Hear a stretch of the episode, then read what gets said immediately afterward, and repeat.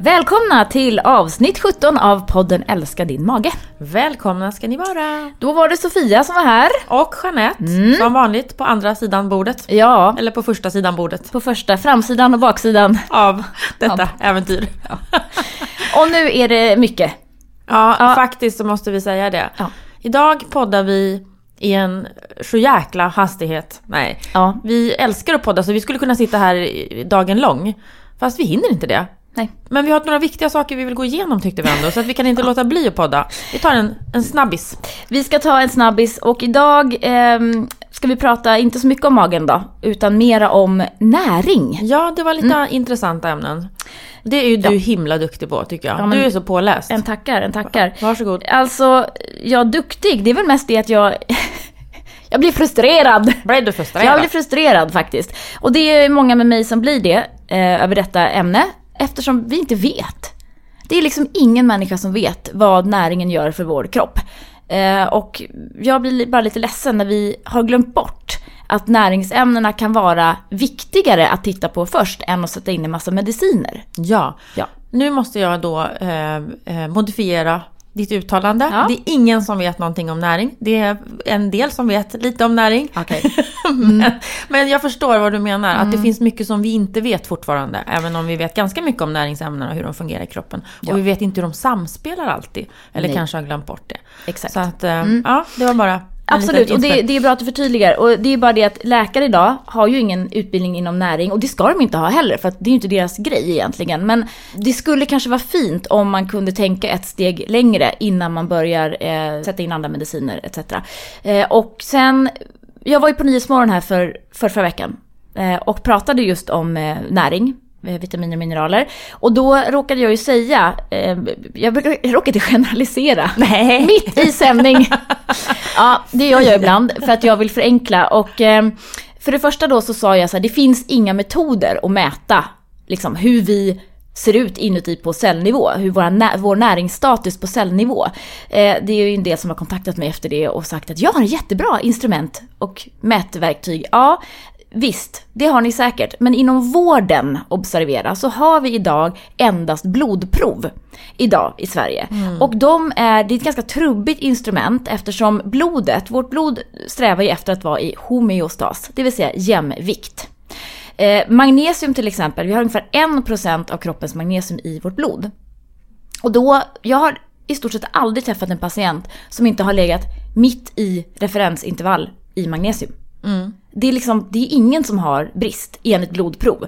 Ändå vet vi från stora studier i framförallt USA att en stor andel, alltså typ 75% av befolkningen får inte i sig tillräckligt eh, med magnesium. Alltså när man mäter då på andra sätt så kan man se detta. Ja. Men du menar att inom vården, att vi vanliga dödliga människor har inte liksom någon, någon chans eller så mycket chans Nej. inom vården att få det här mätt på ett korrekt sätt? Precis. Men att det finns andra Ja, mätmetoder? man kan gå till alternativmedicinen, man kan ta såna helblodsanalyser, man kan titta på näringen på cellnivå. Man kan till och med göra muskelbiopsier, alltså nypa bitar ur muskulaturen och titta hur det ser ut in i muskelcellerna. Men det är ju ingenting som vi gör inom vården. Nej. Eh, Du kan ju titta på din antioxidantstatus till exempel också. Det finns, finns ju mätverktyg men de är ju väldigt dyra att använda.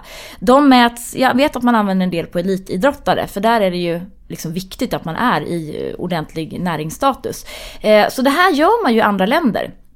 Tyskland, Frankrike, Schweiz eh, är duktiga på det här. Eh, man, man förstår också där integrativt att näringen är väldigt viktig för kroppen. Eh, det kan ju till och med bli fel, att man belastar kroppens eh, system fel när man eh, till exempel sätter in Lavaxin och så har man dessutom då en, ett antal näringsbrister i kroppen som man kanske också skulle behöva stötta upp samtidigt. Eh, det här tänker jag att vi kommer att veta så himla mycket mer om. Men jag tänker också att vi behöver liksom öppna upp för den alternativa medicinen. Alltså det som kallas functional medicin i, i USA. Eh, och det, det pågår ju försök nu faktiskt på Karolinska institutet där man då gör någon typ av integrativ medicin. Man kopplar ihop functional medicin med skolmedicin och så ser man hur det blir. För jag tror att båda är jätteviktiga. Men vi kan liksom inte stå och stångas mot varandra. Mm. Eh, För då blir det ju inget bra. För det är inte det ena som är bättre än det andra, utan vi måste försöka kombinera det här. Och sen är det andra faktumet att vitaminer och mineraler går ju liksom inte att patentera. Så det finns ju inte så mycket pengar i det här. Eh, och då är det inte så Då är vi där intressant. igen. Ja. Då är vi där igen. Mm. Eh, så att jag vill bara liksom lyfta det här. Och då, då pratade jag ju i Nyhetsmorgon om benskörhet. Innan du fortsätter måste Ja. jag bara säga, Ja. bra! Alltså, tydlig förklaring där. Mm. Och, och så viktigt. Och spännande också. Om vi kan liksom lyfta blicken och titta lite åt det hållet. Ja, utan och att det det här blir så här- mer helhetssynen på kroppen och människan. Jag tror vi måste tänka helhet istället för att tänka att allting utanför skolmedicinen är humbug och bluff och liksom lurendrejeri. Mm. Eh, det är klart att det finns sånt. Det är klart att det finns människor som vill tjäna stora pengar på att sälja tarmreningskurer för 3500 kronor. Mm. Ja, men det finns också många som är oerhört kompetenta faktiskt. Och Mm. Det här brinner vi- du för, det ja, hör man. Ja, bra. Jag, börjar gråta snart. Nej det gör jag inte. Jag tycker det här är väldigt intressant. Du är väldigt snygg idag. Hon har varit på TV i morse så hon har lockigt hår. Ska jag tala om för alla Mm, Precis. lyssnare. Ser ut som ett litet pentroll Och här. sminkad är hon också. Ja, det också. Dagen till ära. Fint. Ja, Mm, eh, och, då, ja, och ämnet då benskörhet ju som, som vi ju ibland kommer i kontakt med. Sverige har ju en av världens högsta eh, då, förekomst av benskörheter. Nej, vad säger man? Benskörhet. Alltså, benskörhet. Tror jag man säger. Själva Mm. diagnosen benskörhet. Eh, det vill säga att man eh, då får ökad risk för frakturer, eh, framförallt också då fall, fallolyckor när det gäller äldre. Och då kan man fråga sig varför är det så här? När vi då är ju ett mjölkdrickande, yoghurtdrickande, filätande land. Kalciumätande land. Ja. Mm. Eh, Så vi får ju i oss vårt kalcium, det är ju inga, liksom, inga tveksamheter kring det. Men vi, det är någonting annat som felar. Och då vill jag mena att det är för det första D-vitamin, vilket ju inte är något, det är inget nytt alls. Mm. Nej. Det har ju till och med läkarna förstått nu att man förskriver kalcium och gärna D-vitamin För de hänger ihop. Exakt. Eh, och det man då måste förstå också det är ju att det finns en tredje part i det här som heter magnesium. För har man inte magnesium tillgängligt, vilket ju då de flesta kanske har lite för lite av idag, eh, så blir det inget bra. För då lagrar man inte in det här kalciumet i skelettet. Då har man kanske tvärtom kalcium som cirkulerar runt i vävnaderna och i blodbanan och sätter sig som åderförka- alltså förkalkningar i våra kärl. Och så får vi hjärt-kärlsjukdom istället. För det där kalciumet ska inte vara i ådran, det ska liksom vara i skelettet. Mm. Så med hjälp av den här treenigheten, kalcium, D-vitamin och magnesium, så får vi liksom en, en stark benstomme. Det här magnesiumet har ju liksom, det, det, alla missar ju det idag. Men är, och det här, är det här, vi tänker skolmedicinska studier eller är det mer inom det som du tittar lite på? Ja men alltså det är både och. Eh, och det finns ju väldigt mycket studier på magnesium för ganska många år sedan. Och sen har det här liksom någonstans lite grann glömts bort. För det är ju bara ett mineral. Och det går ju inte att ta något test på. Jo det gör det ju, men det visar ju liksom ingenting. D-vitamin kan du ju faktiskt ta ett test på hos läkaren och då ser, ser du om du har brist. Du kan mäta din bentäthet och se om du har ett urkalkat skelett till exempel. Det kan du också göra hos en läkare och få svart på vitt. Men magnesium är liksom lite diffust. Och så tänker väl många att ah, det där kan man väl få i sig via kosten då. Och det är ju svårt. Vad hittar vi magnesium då? Ja, men magnesium finns ju mycket i skaldelar och i fullkorn. Ja. Eh, så att fullkornsprodukter, och då tänker jag att eh, om man är IBS-are då, så är det ju, får man ju främst titta på kanske råris. Alltså där det är hela, hela När man äter skalet. enligt FODMAP där vi ju tar bort de här, många av de här fullkornsprodukterna till att starta med i alla fall. Exakt. Och sen kanske man till och med kan, eh, när man har, vi pratar mycket om siktat dinkelmjöl. Eh, och eh, då kanske man kan i steg eh, två köra lite fullkornsdinkelmjöl till exempel. Så får man i sig lite magnesium där. Gröna bladgrönsaker, alltså spenat Ja. och maché och rucola och mangold, allt de här innehåller en del magnesium. Nötter och frön, alltså Precis. pumpafrön. Frön. Det är, det är kanske vårt typ nummer ett på frölistan. Ja, säger vi då som har en liten bytta Ja. med typ en och en halv liter pumpafrön stående på vårt skrivbord. Ja. Som vi gnaskar i oss ibland. Ja, Jag ja, gör snor därifrån när du inte är här. Ja, vad fint. Ja. Alltså, eh, pumpafrön är ju supernyttigt. Eh, eller pumpakärnor kan det ju heta ibland också. De kommer ju, alltså alla såna frön, det är ju det är någon sorts koncentrat av en massa Mm. näring, vitaminer och mineraler. Och energi ska man också komma ihåg då, säger den andra dietisten. Är väldigt energirikt, så det är ju super, super bra när man behöver energi, mycket energi. Eh, både nötter och frön. Men är man en sån som ska, vill hålla igen lite grann så kan det ju vara lite eh, riskabelt att äta väldigt mycket av varan för att det blir snabbt väldigt mycket energi. Ja, det blir det absolut. Fast det är ju bra, bra fetter som du säger, bra näringsämnen i, bra fibrer. För, Bra fibrer. Även för IBS-magar. Precis. Eh, och då är det ju så att eh, det är ju både en massa magnesium i pumpafrön, men det är också järn. Om man nu ska tänka lite så vegetarisk kost och FODMAP ihop. Så pumpafrön, lägg till det på allt. Mellanmål, på filen, på yoghurten. I smoothien kan man ju bara ta och eh, mixa ner pumpafrön. Är alldeles så utmärkt. blir det lite crunchy. Ja, precis. Så att väljer man solrosfrön eller pumpafrön skulle jag säga pumpa. Tveklöst. De är jättebra. Ehm, där finns det ju också eh, magnesium. Och sen har vi ju då också havre. Som är ett av våra favoritlivsmedel. Både när det gäller mage och näring och fibrer och allt. Eh, där har vi också ganska mycket magnesium. Vi har också en del järn i havre, vilket också är bra. Och så lite oväntat mörk choklad. Ja, Och kakao. ännu en anledning. Alltså det finns så många till att äta mörk choklad. Verkligen. Ja. Mm. Eh, det är jättebra med magnesium i mörk choklad och järn också för den delen. Så att, eh, why not? Eh, Det, det finns ju. Och då tänker jag att man Återigen så tittar man ju på vad är det jag kan äta och så väljer man ut det. Och det är bättre att äta liksom lite varje dag. Eh, de här konserverade linserna pratar vi också en del om, både i, ur eh, järn, järnsynpunkt men också andra, andra näringsämnen. Så att vi behöver få i oss mer magnesium. Vi pratar mycket om magnesium när det gäller tarmen att det har en laxerande effekt. Och det finns mängder med studier på magnesium, men de är också lite så här från förr i tiden. När man har utvärderat då olika laxerande preparat, typ som fibrer, mer vätska, eh, alla de här fiberpreparaten som man då får förskrivet vid IBS, bulkpreparat. Alltså det är inte, de har inte alltid en jättestark evidens.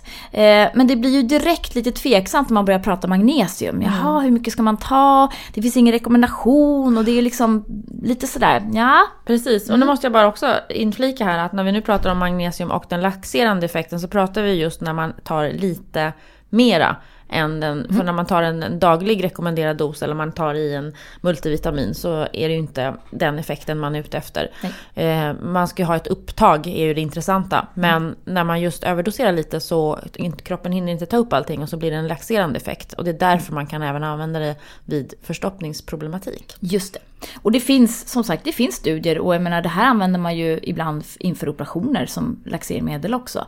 Så det är ju egentligen inget farligt. Det enda man ska tänka på det är ju äldre människor som har till exempel njursvikt eller så vidare. Där kan man ju då påverka elektrolytbalansen i kroppen om man tar väldigt mycket magnesium. Men jag vill ju mena att de flesta behöver nog ta ett dagsbehov av magnesium i alla fall, eller dagsintag eh, extra. Eh, För vi får inte i oss tillräckligt. Och samtidigt så vet vi att magnesiumförlusterna i kroppen ökar när vi stressar och tränar.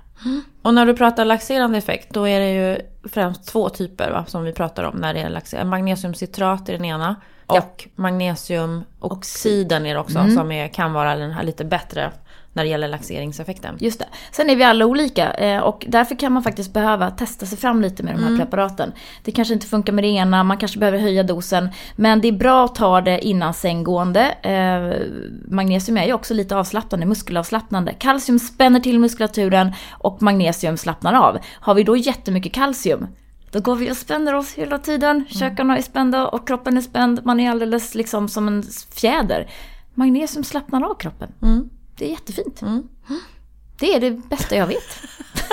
Magnesium. Ja, precis. Ja, jag skulle bli sån här försäljare av magnesium egentligen. Ja, det är min nya, min nya bana. Ja, eh, så till alla er då som är eh, i riskgruppen för benskörhet, ta gärna D-vitamin och magnesium till era kalktillskott om ni nu tar eh, några sådana.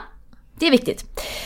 Sen pratade vi också om Alltså det har ju kommit en ny studie faktiskt från eh, Sverige, från Uppsala universitet och Columbia University. Och då visar de faktiskt i den här studien att B-vitaminer, alltså tillskott av B-vitaminer, eh, kan bidra till att minska de negativa effekterna av luftföroreningar. Du och jag som bor, ja du bor ju Jag bor ju i förorten, det gör du vid faktiskt. skogen. Ja det gör du. Jag bor mitt i smeten. Ja. Jag skulle Så nu vilja... ska du börja knapra B-vitamin också? Ja, Nej, det behöver inte. det gör jag nog redan. I alla mina piller som jag äter. Nej, men faktiskt. Eh, och eh, det här är ju väldigt intressant för att det här är ju, eh, det är ju en stor del av världens befolkning som bor på platser då i, i världen där luftkvalitetsnivåerna eh, överskrider de gränsvärden som, som finns för föroreningar och partikelhalten. Och då skulle man då kunna eh, ta ett B-vitamintillskott och det här är då B-vitaminerna B6 och B12 och folsyra. Mm. Har givits en grupp och placebo då till en annan. Och sen fick man då fyra veckor med höga halter av luftföroreningar. Och de som har tagit B-vitaminerna kan man då konstatera en avsevärd reduktion, alltså i mätbar påverkan. I blodet? Ja, precis. Man har alltså en, en, en reducerad eh, påverkan av de här höga luftföroreningshalterna. Mm. Mm. Det Undrar är var man hade gjort det här experimentet någonstans? Står det det? Nej, faktiskt inte. Men det är ändå som sagt Oskar Karlsson som är forskare vid Uppsala universitet och mm. Karolinska institutet. Mm. Um, så att uh, det här är ju intressant. Mm. Om man skulle kunna liksom, jag menar, titta på Asien, hur det ser mm. ut i många, många, ja, städer, många städer stora där. storstäder. Mm. Där de har smog och annat. Så det är ju intressant. Och då, ytterligare då en, en så positiv effekt av mm. att ta. Det, det, det kommer ju in emellan studier som visar att oh, det är farligt, ta inte multivitamintillskott, ta inte tillskott av mm. det ena och det andra. Eh, och då menar ju hälsokostbranschen att det ofta så är det inte samma sorter eller samma liksom E-vitamin till exempel kan se ut på lite olika sätt. När man då använder den som en antioxidant i som att äta varje dag i tillskott så är det en form. Sen har man då framställt en annan form och gör en studie på den och ser att då ökar risken för cancer mm. när man tar ett tillskott på E-vitamin. Det blir som att jämföra liksom äpplen och päron på något vis. Men det är klart att det får ju ett starkt genomslag när man går ut och varnar och säger att kosttillskott är cancerogena. Så att det är inte så enkelt. Och för gemene man och kanske liksom se skillnaderna där och läsa på. Så att eh, det är återigen det här, man måste någonstans läsa på själv och vara sin egen detektiv. Det vi säger det är ju att man kan aldrig överdosera eh, vitaminer och mineraler från kosten. Precis. Eh, så, att, så det är ju det första och det bästa ja. att försöka få i sig. Ja. Sin, sin näring i. Det är ja men det är det, verkligen. Ja. det är det verkligen. Och då och hamnar vi återigen vid de gamla goda råden. Så blir det alldeles tyst. Ja, vilka blir, är de nu igen? Blir, nej men att, det här, att vi äter ja. ju faktiskt för lite ja. grönsaker. Ja. Det gör vi ju. Du, du äter för lite och grönsaker. Jag sa grönsaker. Och frukt, lite, frukt äter vi ja. kanske också lite för lite. Men mm. mest grönsaker. Mm. Och att vi inte varierar oss Nej. så mycket i grönsaks... Uh, urvalet. Nej. Och när man, när man har IBS och äter enligt FODMAP så är ju vårt heta tips att man hittar fem saker som man kan äta. Och då är våra topptips nu eftersom jag sitter och gör massa intervjuer för den kommande vegokokboken. Just det. Då är det gröna bönor, haricots mm. Det är edamamebönor, alltså mm. de här gröna sojabönorna i luddiga små skidor. Skal. Ja, skidor. precis. Som man inte ska äta. Inte, um, nej, inte skidorna ja. Men edamamebönorna. Ja. Ligger ofta i frysen. Precis. Mm. Konserverade linser. Mm. Fryst broccoli. Mm. Är ju fantastiskt tycker jag. Ja. Bara ta fram, steka på lite snabbt. Mm. Eh, och sen äta. Eller bara hälla lite varmt vatten mm. över. Och kanske rotsakerna då, morot, Grönkål måste jag flika in. Grönkål, ja. ja. Mm. Alltså det, det, finns en del. Ja men och jag tycker också med FODMAP, eh, även när man är i elimineringsfasen, tittar man på dem på listan och tittar på alla de grönsakerna man kan äta. Mm. Så vill jag också våga påstå att vi kanske, gemen, sådär lite, man har ju sina favoriter. Och så går man på dem och så är det några av de andra favoriterna som faller bort och så tycker mm. man att det är jättejobbigt. Men mm. titta istället på listan och se, titta allt det här kan jag äta. Mm. Och då finns det ganska stort urval av grönsaker man kan äta på den listan. Absolut. Och jag vill ju alltid då flika in att frysta grönsaker och bär är minst eller till och med mer näring i eh, som färska. Precis, så att man ska inte vara rädd för att använda frysta grönsaker. Och just det här med planering, har man svårt att få till det, då kan det vara lättare ibland att ha frysta grönsaker mm. och plocka fram. För att om man köper färska och inte hinner använda och så vidare. Exakt. Och det beror ju på att de ofta skördas och eh, frys ner eh, mm. väldigt fort. Och då Exakt. bevarar man vitaminer och mineraler mycket bättre. än om finns... de ligger i flera veckor i butiken ja. och på lagret och, och, så vidare. Och fraktas och åker båt Precis. och åker tåg och åker mm. andra ja. eh, färdmedel. Och då, då, då får de ingen sol. Naturlig sol. Det är ju bara så det är. Jag har ju hört dig sitta här i veckan och eh, ge lite telefonintervjuer omkring OS-mat. tänkte åh, har du bytt bana utan att du har talat om det för din kollega? Att nu ger du rådgivning omkring vad de här utövarna ska äta för något. Men jag förstod att det inte var riktigt så. Nej, det, råden var ju snarare till soffpotatisarna som sitter och hejar på de här OS. Precis. Precis. Verkligen. Um, nej, precis. Alltså jag gjorde en intervju i en radiokanal här om natten faktiskt. Det handlar om vad man ska äta när man nu sitter uppe och kollar på OS. Och sen ville helt plötsligt alla veta mer om det här. Och det är ju egentligen inget konstigt för det är ju de råden vi ger till de människor som jobbar skift. Eller snarare till de människorna som är uppe liksom både dag och natt. Hur man ska äta då. Mm, precis. Mm. Och då blir det ju väldigt, väldigt kort råd. Ät inget under natten. Nej. Helst. Vi är inte skapade för att äta så mycket på natten. Nej. Kroppen ska ha vila och försätts mm. i en vilosituation, återhämtningsfas. Mm. Och en bearbetning av eh, det som man har både intagit under dagen, både mentalt och eh, matmässigt. Nej men skämt åsido vad är det man brukar säga? Att man försöker att hålla sin vanliga rytm. Att mm. äta middag, man kanske kan skjuta på en middag lite senare då. Mm. Man ska veta att man ska hålla sig vaken under natten. Mm. Men sen att man försöker kanske äta väldigt lätta saker. Lättsmälta mm. saker. Och kanske en soppa, yoghurt, mm. Eh, ett ägg eller mm. lite sådana saker. För att det är inte så bra att lassa på så mycket på natten. Nej precis och, och, som sagt då är det ju återhämtning och reparation som gäller för mm. kroppen och jag tänker också att det är bra att inte belasta blodsockret så himla mycket. Ja. Att man försöker äta lite protein. De här pumpakärnorna. Ja, men precis. De är väl alldeles utmärkta. Eh, ägg som du sa, mm. lite nötter mm. eh, skulle man kunna tänka sig också. Mm. Jag pratade ju då om, eh, det här är ju så dietistiskt som man bara dör ju när man hör sig själv säga. Men grönkålschips. Ja, kan men man ju de är ju så himla göra. goda. Ja, de är goda. De äter man ju gärna. Ja. Eh, och rotsaker. Alltså man rostar lite morot och, och palsternacka och vad det är för någonting, mm. potatis i ugnen. Eller gör en god liten soppa av dem. Det kan man också göra. Varmt kan ju ofta kännas skönt på ja. natten om ja. man är eh, lite frusen. Nu Precis. brukar de här råden också rikta sig då kanske de som springer omkring i vården eller jobbar och så vidare. Ja. Sitter man i soffan med en filt runt sig och ska mm. titta på OS så kanske man, man överlever utan så mycket mat. Ja, ja, verkligen. Popcornen fick ju liksom slinka in på den här listan ja. lite som en så här, men om man, om man verkligen vill ha något snacks då, ja. Vad, liksom, ja, som är nyttigt. Och popcorn är ju, det är det, jag älskar popcorn. Jag tycker det är toppen. Mm. Men eh, summa summarum är ju att OS är ju ändå under en ganska lång period.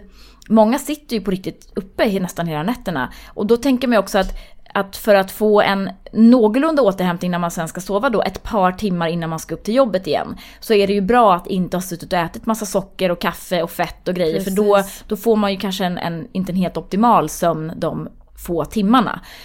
Plus att den här perioden Alltså sitter man och trycker i sig snabbmat, pizza, eh, öl, godis, chips och läsk och energidrycker på natten.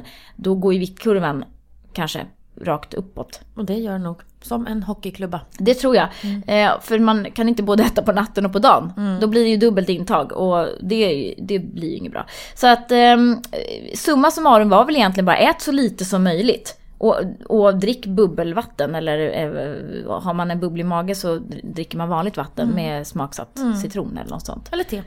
Eller te. En kopp te. Ja, det, det är bra.